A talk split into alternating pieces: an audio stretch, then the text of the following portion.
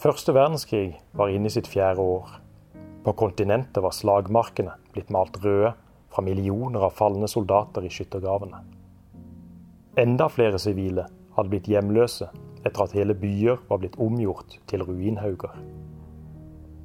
De krigførende landene hadde et umettelig behov for å få tilført forsyninger sjøveien.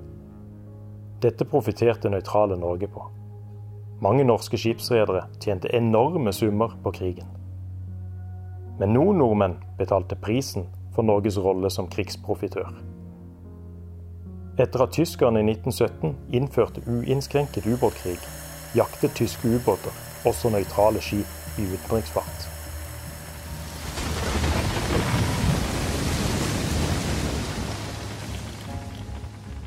Det var ulvetid på havet. En av de mange norske sjømennene som satte livet på spill, var sørlendingen Emanuel Tønnesen. Selv om Tønnesen hadde vært heldig og sluppet fra torpedering, hadde han fått kjenne på ulvetiden. I mars 1917 omkom storebroren Samuel da fullriggeren han befant seg på, ble truffet av en tysk torpedo. Lillebroren ønsket ikke å lide samme skjebne. I slutten av mai 1918 leste Emanuel Tønnesen en avisartikkel som ville stake ut en ny kurs for ham. Polfarer Roald Amundsen var i Kristiania for å klargjøre en ny ekspedisjon. Sydpolens erobrer planla en Nordpolekspedisjon med sitt nye skip Maud. Ekspedisjonen skulle vare i flere år. Planen var å dra fra Norge i løpet av sommeren. Amundsen manglet bare én sjømann og én navigatør. Emanuel Tønnesen så sitt snitt. Han hadde aldri vært nord for polarsirkelen før, men en gang måtte jo være den første. Tønnesen tok mot til seg, oppsøkte Amundsen og tilbød sine tjenester. Polfareren var skeptisk til å ta med en ung og uerfaren mann, men han likte Tønnesens pågangsmot og tilbød han jobb som altmuligmann. Sankthansaften 1918 lettet Maud anker fra Kristiania. Om bord var en eventyrlysten sørlending på 25 år, klar for å tilbringe flere år i isødet. Men selv om Maud ville befinne seg langt fra tyske torpedoer, kom ekspedisjonen til å møte andre farer. For flere av mannskapet skulle turen til Arktis bli en kamp på liv og død i en islagt og nådeløs natur.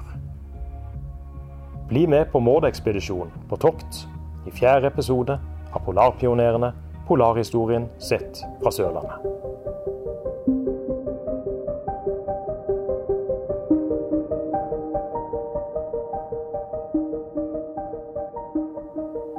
Norge har en lang og stolt historie som polarnasjon.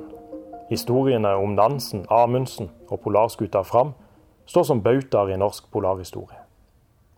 Nasjonalheltene som kjempet og slet seg fremover i ukjent og islagt terreng.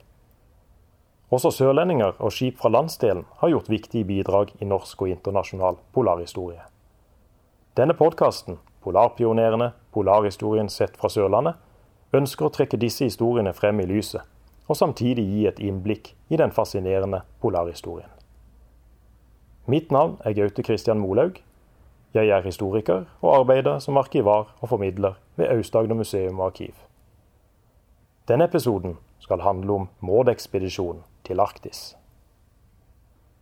Etter at Roald Amundsen hadde kuppet Sydpolen i 1911, ønsket han å følge drømmen om å nå Nordpolen. Første verdenskrig, som startet i 1914, satte planen på vent. Men krigen gjorde han også rik. Foredragsturné i USA og gode aksjeinvesteringer gjorde at Amundsen kunne bygge sitt eget skip, polarskuta Maud. Episoden begynner en nydelig sommerdag 7.6.1917. Stedet er Vollen i Asker. Roald Amundsen hadde byttet ut champagneflasken med en isklump da han døpte sin nye polarskute. Det var ikke tilfeldig. Maud var bygd for å tåle isen. Det kom også frem i talen Amundsen holdt før skuta gikk av stabelen. Det er ikke min akt å håne den edle drue, men allerede nå skal du få føle litt av ditt rette element. For isen er du bygget, og i isen skal du tilbringe din beste tid, og der skal du løse din oppgave. Med vår dronnings tillatelse døper jeg deg Maud. Amundsen hadde bedt skipsbygger Christian Jensen i Asker om å bygge det beste polarskipet noensinne. Etter at polarskuta Fram hadde blitt for gammel, trengte Amundsen et nytt skip for å nå sitt store mål plante det norske flagget på Nordpolen. Amundsens plan var å la Maud fryse fast i den arktiske isen og drive med strømmen over Nordpolen. Underveis skulle de drive med vitenskapelige undersøkelser. Maud lignet på Fram i skrogformen. Begge var kraftig bygget og hadde en form som skulle løfte skipene opp i isskruinger. Maud kunne imidlertid gå i grunnere vann. Skipet hadde også en kraftigere motor. Vanligvis var Amundsen stort sett i pengeproblemer, men i løpet av krigen hadde han altså tjent penger. Amundsen fikk også noe hjelp av den norske stat, men betalte i stor grad det meste av byggeutgiftene til skipet selv. Fram ble strippet for utstyr som kunne brukes på Maud. Bl.a. riggen og en del av inventaret kom fra Fram. En vinsj produsert av Pustnes Mekaniske Verksted på Tromøya skal trolig også ha flyttet fra Fram til Maud. En del av mannskap fra Amundsens Fram-ekspedisjon til Sydpolen ble også gjenbrukt. Både Oskar Wisting og Helmer Hansen, som hadde vært med å erobre Sydpolen, var klar for nye eventyr i Arktis. Det var også seilmaker Martin Rønne og maskinist svensken Knut Sundbekk. Begge hadde deltatt på Amundsens Fram-ekspedisjon til Antarktis i 1910 1912. Ellers var det noe nytt blod.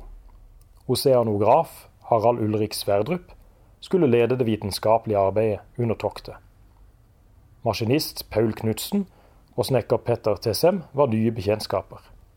Begge hadde imidlertid polerfaring, da de tidligere hadde deltatt på ekspedisjoner i Arktis. Altmuligmannen, sørlendingen Emanuel Tønnesen, var imidlertid førstereisgutt når det kom til erfaring fra ishavet.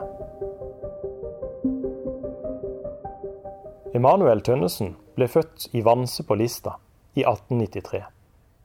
Da Emanuel var barn, flyttet familien til Narestø utenfor Arendal. Emanuel kom fra en sjømannsfamilie. Faren Emil var seilskuteskipper, og sønnen fulgte i farens fotspor. Som 14-åring mønstret han på for første gang.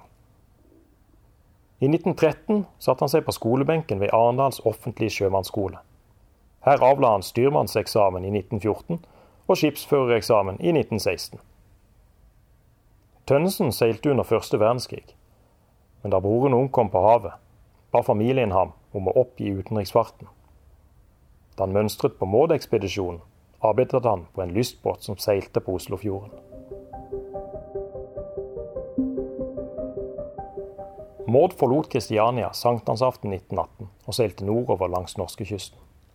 Først i Tromsø gikk Amundsen om bord. Den 18. juli 1918 forlot de Varde, ekspedisjonens siste norske havn. Den opprinnelige planen var å gå inn i isen nord for Beringstredet, stredet mellom Alaska og Russland. Men pga. verdenskrigen og frykten for tyske ubåter kom Maud i stedet til å gå veien gjennom Nordøstpassasjen. Den 3000 nautiske mil lange islagte sjøveien mellom Atlanterhavet og Stillehavet, langs nordkysten av Russland. Den finsk-svenske polarforskeren Adolf Erik Norenskjøl hadde som førstemann klart å seile gjennom passasjen i 1878-1879. Det skulle ikke bli en lett tur. Kun to russiske isbrytere hadde klart å ta seg gjennom passasjen etter Nordenskjøld. Mårdekspedisjonen reiste også i Fridtjof Nansens fotspor. Nansen hadde reist denne veien med Fram i 1893. Seks uker etter avgangen fra Vardø nådde de Dixon den siste telegrafstasjonen på vestsiden av Nordøstpassasjen. Ekspedisjonen telte nå ti mann. Etter at en ung telegrafist med norsk mor og russisk far, Gennadij Olonkin, hadde mønstret på. I september var den arktiske sommeren på hell. Isen var tykk og ugjennomtrengelig.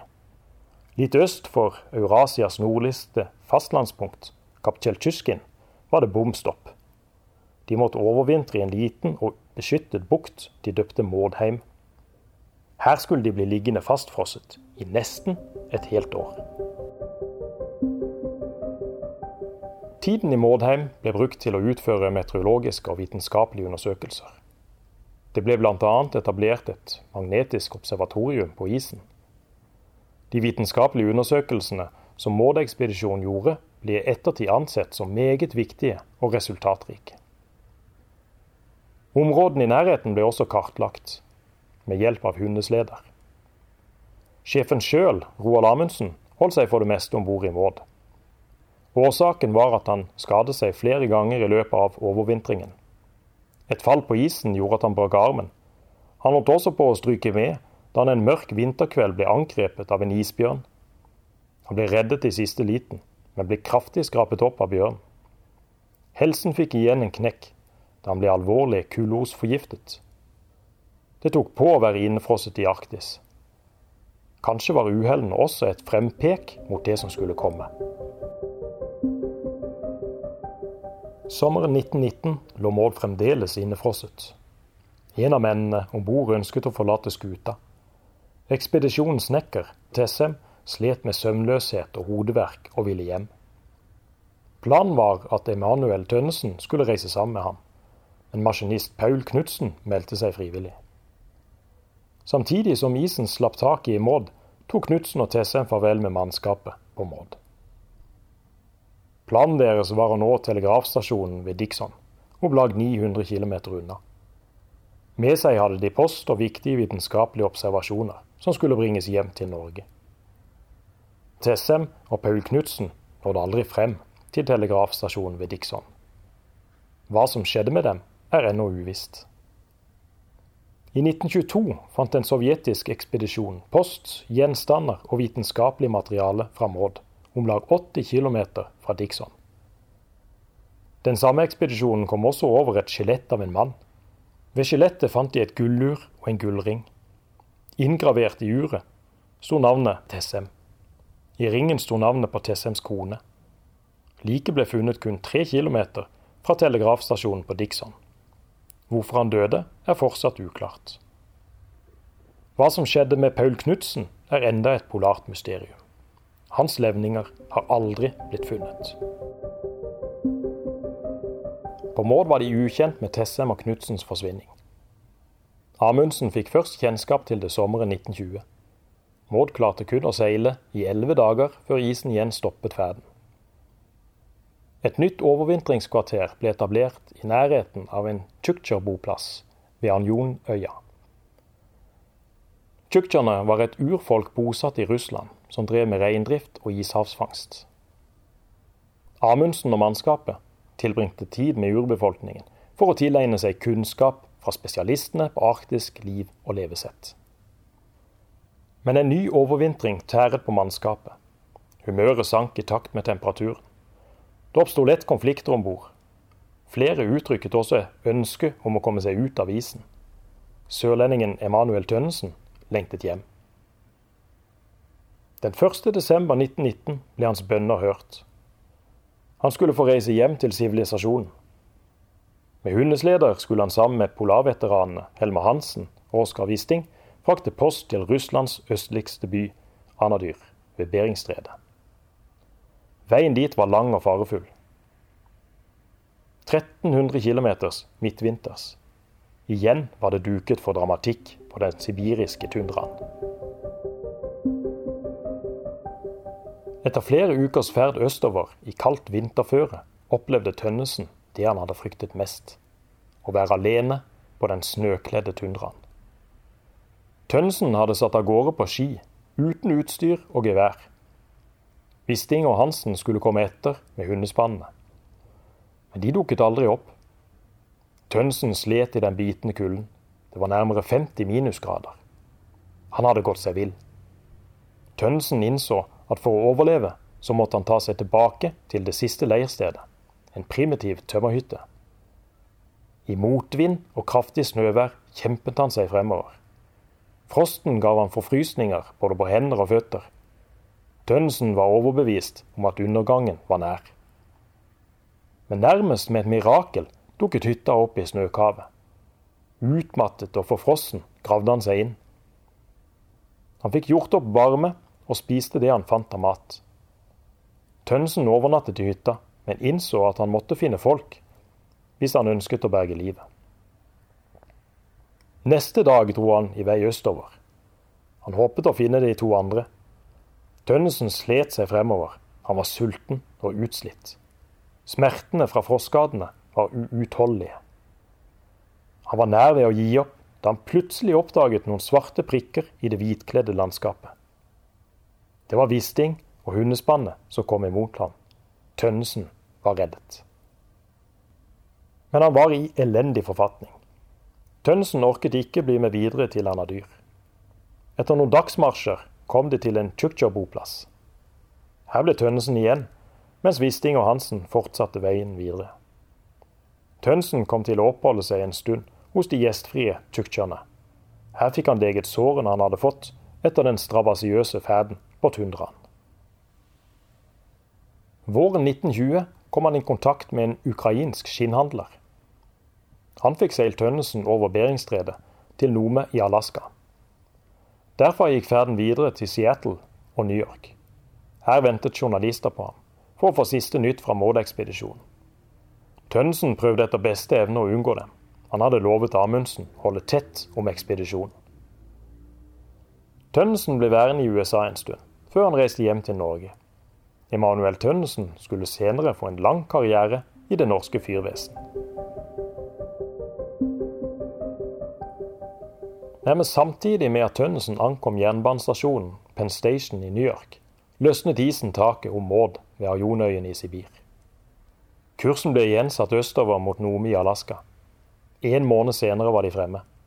Maud ble dermed det tredje skipet i historien som hadde seilt gjennom Nordøstpassasjen men målet om å nå Nordpolen var langt fra oppnådd. I Alaska forlot flere av medlemmene Maud. Igjen var kun fire mann. Amundsen, Wisting Lonkin og forskeren Sverdrup. Maud ble kun noen uker i Nome. Amundsen beordret skipet tilbake i isen. Igjen gikk Maud inn i Nordøstpassasjen. Igjen møtte skipet på vanskelige isforhold. Og igjen måtte de belage seg på en ny overvintring denne gang utenfor Kapsertsje Kamen. Her kom Amundsen til å innse at han neppe ville klare å nå Nordpolen med Maud. Isen var for sterk. Det måtte finnes en annen vei dit enn sjøveien. I april 1921 forlot Roald Amundsen Maud. Wisting ble gitt oppgaven med å lede ekspedisjonen videre.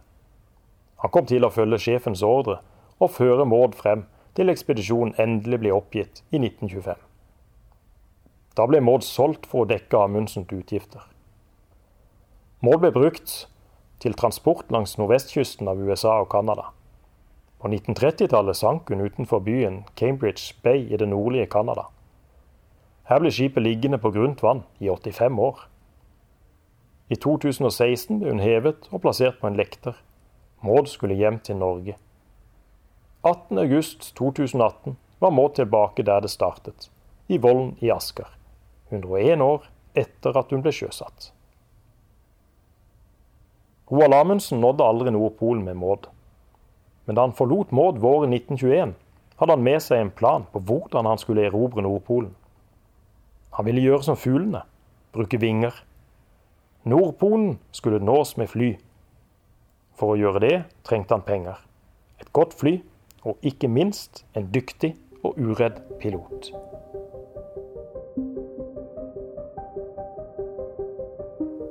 I neste episode av Polarpionerene skal vi igjen på tokt med Roald Amundsen. Da skal du få høre om kristiansanderen Oskar Omdal, den eventyrlystne piloten som skulle hjelpe Roald Amundsen med å oppnå drømmen om å nå Nordpolen. På gjenhør. Denne podkasten er produsert av Aust-Agder museum arkiv. Manuset til denne episoden er skrevet av min kollega Yngve Skjulstad Christensen, og produsent er Christian Hauglund Isaksen. Hovedkildene som er brukt i denne episoden, er Tor Boman Larsens biografi om Roald Amundsen, NRKs intervju med Emanuel Tønnesen fra 1963, samt Follås museums flotte nettside om Roald Amundsens hjem Uranienborg.